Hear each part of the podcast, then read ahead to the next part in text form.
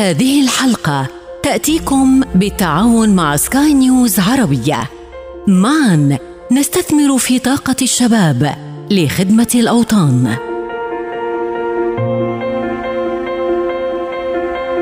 حكايتنا هي امتداد لذواتنا وقصتي هي امتداد لقصتكم ولكني أشبهكم في الكثير. أنا دكتورة منال المنصوري وهذه قصتي. قصتي. أنا كإنسانة إماراتية طموحي دائما يوازي طموح حكومتنا. دائما نسعى للتميز.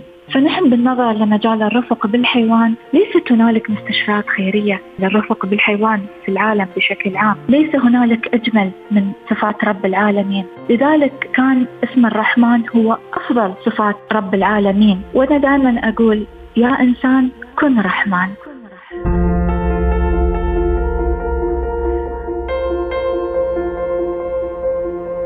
مرحبا بكم. أنا ابتسام العكريمي. سأرافقكم مع ضيفتنا. لنتحدث في قيم الإنسانية وحب الآخر. لنتحدث عن حب الإنسان والحيوان والطبيعة. كل هذا سنختزله لكم في حكاية مثيرة للاهتمام. ضمن قصتي من بودكاست الشباب العربي. التغيير هو من أبرز سمات الوجود هو الذي يحافظ على توازن الكون بأسره. أكثر الناس ينتظرون شيئا ليتغيروا وآخرون يتغيرون عندما تحدث لهم صدمة أو تتغير أدوارهم في الحياة. لكن أعظم التغيير هو ذلك التغيير المقصود ذلك التغيير الواعي والنابع من تأمل الإرادة والشعور بالمسؤولية. وهذا تحديدا ما سنسرده على مسامعكم اليوم في قصة ضيفتنا مع الرفق بالحيوان. قصتي.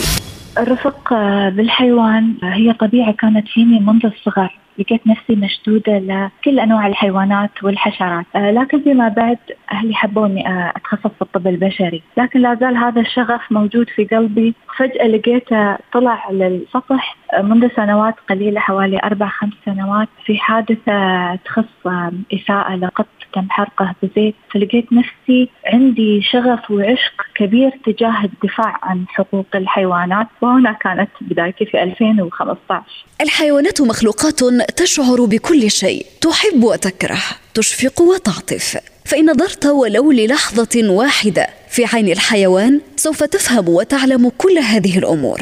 وتلك هي الرسالة التي ارادت ضيفتنا أن توصلها لكل فرد من أفراد المجتمع. وتبريرها في ذلك أنه بإمكانك أن تحكم على رقي وتقدم المجتمع بأكمله من خلال كيفية تعامله مع الحيوان. دعونا نكمل القصة. لاحظت في مجتمعاتنا أن الرفق بالحيوان آه، مجال آه، يحتاج آه، مزيد من الاهتمام رغم أن نحن كمسلمين وكعرب كرم الأخلاق والاهتمام والرحمة هي من من أصول أخلاقنا أصلا، لكن سبحان الله يمكن في ظروف مختلفة أدت أن الناس اهتمت أكثر بالعمران وبالأمور والنواحي الأخرى أكثر من هذا الشيء، فيعني انحسر هذا الاهتمام، فلقيت أن من واجبي كفرد في المجتمع ومن واجبي كمسلمة إني أشجع أفراد المجتمع حولي على أن نحن نرجع ونهتم بهاي الحيوانات اللي تشاركنا أرضنا وتشاركنا مجتمعاتنا ونهتم بسعادتها مثل ما نحن مهتمين بإسعاد مجتمعاتنا وعلاج المشاكل المجتمعية اللي نواجهها مثل القسوة آه، مثل حتى الإرهاب مثل العنف مثل الجوع مثل الفقر كل هاي أمور الحيوانات تعايشها وتعانيها بالتوازي مع اللي يعانون البشر في كوكبنا حاليا. قصتي. شخص واحد إذا عقد العزم يمكنه أن يقوم بعمل تغيير كبير ومجموعة صغيرة من الأشخاص إذا فعلوا يستطيعون تغيير مسار التاريخ. تقول الكاتبة الأمريكية سونيا جونسون ولعل الوعي بضرورة الاهتمام بملف حقوق الحيوانات يبدأ بقناعتك الشخصية التي تستطيع من خلالها حشد أكبر عدد ممكن ولكن الشرط هو الحب. أنا أحب الحيوانات. مثل ما أحب أخي الإنسان. الاثنان سواسية بالنسبة لي. الاثنان أنا أرى أن لهم مشاعر أن يستحقون السعادة ويستحقون حقوقهم كاملة. وأن رب العالمين سيحاسبنا على ما نفعله تجاه الحيوان كمحاسبته لنا تجاه أي شيء نفعله تجاه الإنسان. قصتي. إن كل ما تطرقنا إليه من أمور هي مجرد ديباج لما سنضيء عليه من مشوار ضيفتنا المهني. مشوار صنعت فيه تغييرا ونقلة نوعية من مجال عملها الأصلي الذي يهتم بالطب التجميلي. إلى مساعدة الحيوانات المصابة وعلاج تشوهاتهم. مبدأ يذكرني بمقولة المؤلف الإيرلندي الشهير الذي أحبه. جورج برنارد شو وفيها يقول إن التقدم مستحيل دون تغيير. دعونا نعود لمشوار ضيفتنا المهني ونتعرف على هذا التغيير. أنا سعيد أني أكون من ضمن أبناء دولة الإمارات اللي يسعون لأفضل الشهادات العلمية. فالحمد لله تخرجت من كلية الطب وتخصصت في مجال التجميل. فخلال عملي كنت أحب التعامل أكثر مع الحروق والعيوب والتشوهات الناتجة عن الحوادث. فكثير كنت أحس بالناس اللي يعانون في هذا المجال. وشيء ساعدني كثير لما لقيت في مجال الرفق بالحيوان. الحيوانات اللي تعرضت لحوادث لحروق لجروح ومو بقادرة تعبر عن ألمها ومو بقادرة تلاقي آه، علاج ودواء لمعاناتها هذه. فأنا حسيت بها أكثر. وهالشيء ساعدني على أني أنا أسعى لتوفير العلاج الطبي لهاي الحيوانات وكان شيء رائع وجميل جدا لما لقيت كثير من أفراد المجتمع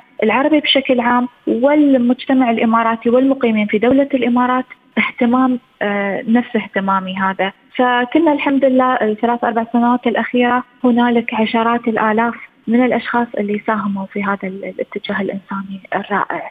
آه، أما فيما يخص الوعي يعني نحن نحن ليس هدفنا فقط إطعام القطط وعلاجها، نحن نهدف إلى نشر الوعي، الوعي هو اللي بيحقق الإنجاز، الإنجاز لا يأتي بقليل من المال وبقليل من الجهود، التوعية تحقق الكثير من التغيير، قد تغير بشكل حتى يصل إلى 360 درجة، والحمد لله في دولة الإمارات هنالك دائما دعم حكومي في التوعية وفي العمل التطوعي والإنساني، وأشكر دائما الوسائل الإعلامية اللي ساهمت في مجال بالذات العنف ضد الحيوان.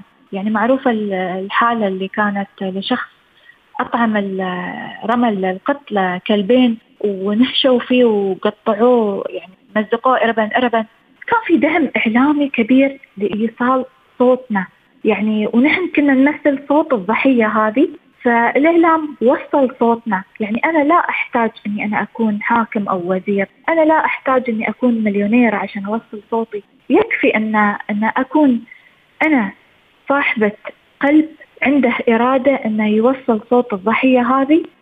وأنا أؤمن دائما ان إذا طلع صوتك من القلب سيصل إلى أبعد مدى. وأرجع أشكر الإعلام اللي دائما يوصل صوتنا والحمد لله وصل حتى لسمو حاكم إمارة دبي اللي أخذ هذه الحالة وحكم بعقاب مجتمعي للشخص اللي اللي قتل هذا القط. وكان درس رائع في الإنسانية وفي الأخلاق الإسلامية والعربية أن نحن لا نرضى بالظلم لا نرضى بالإساءة والعنف في مجتمعاتنا. قصتي. في مشوارنا الحياتي هنالك الكثير من الصعوبات والعقبات التي قد تعترض مسارنا. أحيانا قد تعيقنا دون بلوغ هدفنا. ولكن تعلم دوما أن تبني سلما من الأحجار التي تعثرت فيها. الحمد لله تيسير من رب العالمين. بالنسبة لي كان جبل عظيم أمامي لما بديت. العقبة الأولى في هذا الجبل كانت نظرة المجتمع. مجتمعاتنا العربية للأسف أحيانا كثيرة يقومون بممارسة دور الوصاية على أعمال الآخرين يقومون بالتسميات والتصنيفات. هذا شيء راقي هذا شيء غير راقي. فكانوا دائما يعطوني يعني تعليقات ومحاولة في التحبيط أن أنت طبيبة اهتمي بمجالك واهتمي بالتجميل. شو اللي مودنك تجاه الحيوانات؟ تركيها للبيطريين شو اللي مودنك تجاه الاهتمام بحيوانات الشارع؟ أكرمكم الله الحيوانات اللي تأكل من الحاويات القمامة الحيوانات اللي مدهوسة وقد تكون مصابة بأمراض معدية ويعني أمور لا ترقى إلى مستواك كطبيبة. أنا أقول لهم لا أنا أرى نفسي كإنسانة. أنا لا أرى نفسي كطبيبة ولا كإماراتية ولا كبنت عائلة من طبقة راقية أو غيره كلنا سواسية أمام رب العالمين. ومثل ما قال الرسول صلى الله عليه وسلم كلكم راع وكلكم مسؤول. قصتي. حتى في أعمق اللحظات المؤلمة أو الصعبه هنالك مواقف لا نستطيع أن نمحوها من ذاكرتنا. هكذا هي الطبيعه البشرية. فإما أن تكون محفزا لنا لتحقيق أحلامنا وأن تكون بداية حلم جديد نسعى لتحقيقه. أو حتى أن تكون هي من يضرب سواعدنا ويمنعنا من التطلع إلى الأمام. سنستمع معا لأحد هذه الذكريات المؤثرة والمحفزة لخطط ضيفتنا وتطلعاتها المستقبلية. إحدى القصص المؤثرة جدا وهذه حصلت في سنة 2020 أيام كان في آه، قيود على التجوال. فورد إلي أن أحد الأشخاص داخل سكن عمال في منطقة هي عبارة عن جراجات عمال ومساكن عمال. فأن كون أنثى تذهب إلى هذه المنطقة فهذا خطر كبير جدا فما بالك في منتصف الليل. فاللي ورد لي أن عامل من العمال قام برفس قطة حامل والقطة تنزف وحالتها خطيرة جدا. فأنا كنت بين تحديين وكان في رمضان فتخيلي كل هاي التحديات أن هل أنا أنتظر للصبح؟ هل أتصل مثلا بأي جهة مختصة تروح تساعدني أو ترافقني؟ ما قدرت أصبر. اتجهت لمقر سكن العمال هذا وكنت فعلا في حالة خوف شديدة لدرجة أني أنا آه، أبقيت واحدة من آه، فريق العمل معي على الخط. وكنت أسوق في منطقة مظلمة جدا لحد ما وصلت لهذا المكان وبصراحة ما كانت لدي الشجاعة المسؤولية أني أنا أدخل هذا السكن. لكن كلمت مشرف السكن وقلت له لو تكرمتوا طلعوا لي القطة برا أنا باخذها. ففعلا لقيت نفسي أمام عدد كبير من العمال طالعين لي برا. ما كان الموقف مريح تماما بس الحمد لله كان في عاملين ثلاث عمال كانوا يعرفون بحالة الإساءة هذه. وفعلا راحوا داخل وجابوا لي القطة وحطيتها في السيارة واضطرت بها إلى أقرب مستشفى. طبعا كانت رحلة الاتصال بالمستشفيات واحد واحد والأغلبية يقولون لي الصبح أقول لهم لا تموت للصبح ما أقدر أنتظر. فالحمد لله وديناها وعالجناها وكانت نهاية سعيدة. وهذا أيضا يؤدي بنا إلى طموح آخر ألا وهو إنشاء مستشفى خيري للحيوانات يعمل على مدار الساعة لأن أكثر أكثر حالات الإساءة تحدث في منتصف الليل في آخر الليل. فهذه بالذات تحتاج توفير هذه الخدمة وبإذن الله سنعمل على تحقيق هذا الحلم. قصتي. ومن هذا المنطلق نتعرف على بقية الطموحات والإنجازات التي تأمل الدكتورة منال المنصوري أن تحققها في قادم الأيام. أنا كإنسانة إماراتية طموحي دائما يوازي طموح حكومتنا. دائما نسعى للتميز ودائما ننظر لأن نحن نسابق الحضارة الإنسانية في جميع مجالاتها. فنحن بالنظر لمجال الرفق بالحيوان ليست هنالك مستشفيات خيرية ليست هنالك مشاريع كثيرة للرفق بالحيوان في العالم بشكل عام. فلدي ثلاث مشاريع كأحلام. تنتظر مزيد من التعاون المجتمعي وتنتظر مزيد من الدعم الحكومي بإذن الله. المشروع الأول هو محطات إطعام في دولة الإمارات إطعام القطط أو الطيور أو الكلاب أو أي دابة تمشي على على هذه الأرض لدي عشرات القطط. أغلبها قطط من أصحاب الهمم نحن نسميها. بالتأكيد أنا لست أنا كعربية وكإماراتية سعيد كثيرا للبحث والقراءة. قد أختلف عن باقي المهتمين الأجانب. هم نظرتهم أن نقوم بجمع القطط من الشارع وتكديسها في البيوت. نحن لا الحمد لله. نظرتنا متوازنة آه نظرتنا وسطية. قطط الماو العربية يمكنها العيش في الشوارع ويمكنها العيش في بيئتنا لأن هي رب العالمين خلقها مقاومة للظروف الصعبة اللي نحن نعيش بها في هاي المنطقة. آه لكن الفئة الوحيدة اللي تستحق البيوت هي طبعا القطط الشيرازية وغيرها لكن فئة الماو هي قطط أصحاب الهمم كثير منها أعمى كثير منها مصابين بالشلل كثير منها كبير. العمر كثير منها مصاب بأمراض مزمنة لا يستطيعون أنهم يعيشون في الشارع. هنا يأتي دورنا أن نحن نفتح لهم بيوتنا وقلوبنا أيضا. هو مشروع سيكون فريد آه، من نوعه سيكون درس في أن هذه الحيوانات التي تعيش معنا تستحق الإطعام تستحق السقيا. نحن في مجتمعاتنا العربية لدينا فائض عظيم تغذية. قد لا تكون لدينا ثقافة الاستهلاك الغذائية. لذلك قد يكون هذا درس في أن آه، يا أخوتنا دعونا نهتم بإطعام الحيوانات هذه. دعونا نسخر فائض الطعام هذا لإطعام هذه الحيوانات. المشروع آه، الثاني الله يسلمكم. هو إنشاء المستشفى الخيري للحيوانات يقدم آه، أكثر الخدمات تطورا من اختصاصات طبية ليست موجودة في منطقتنا أو في الدولة مثل علاج السرطانات، العلاج الطبيعي، العلاج النفسي للحيوانات، اختصاص النساء والولادة، الاختصاص العناية المركزة بالذات للمواليد، أنا لا أتحدث هنا عن القطط والكلاب فقط بل عن جميع الحيوانات. آه، فهذا المشروع إنساني عظيم جدا وليس الأول في تاريخنا كعرب أو مسلمين. فهذا درس يستحق أن نحن نحييه في وقتنا الحالي. قصتي. في ضيفتنا اليوم مثال نسير على خطاه في الإنسانية والمسؤولية ونموذج يحتذى به لكيفية الرفق بالحيوان الضعيف. هذه الدكتورة أخبرتني برسالة تود أن يصل صداها للجميع.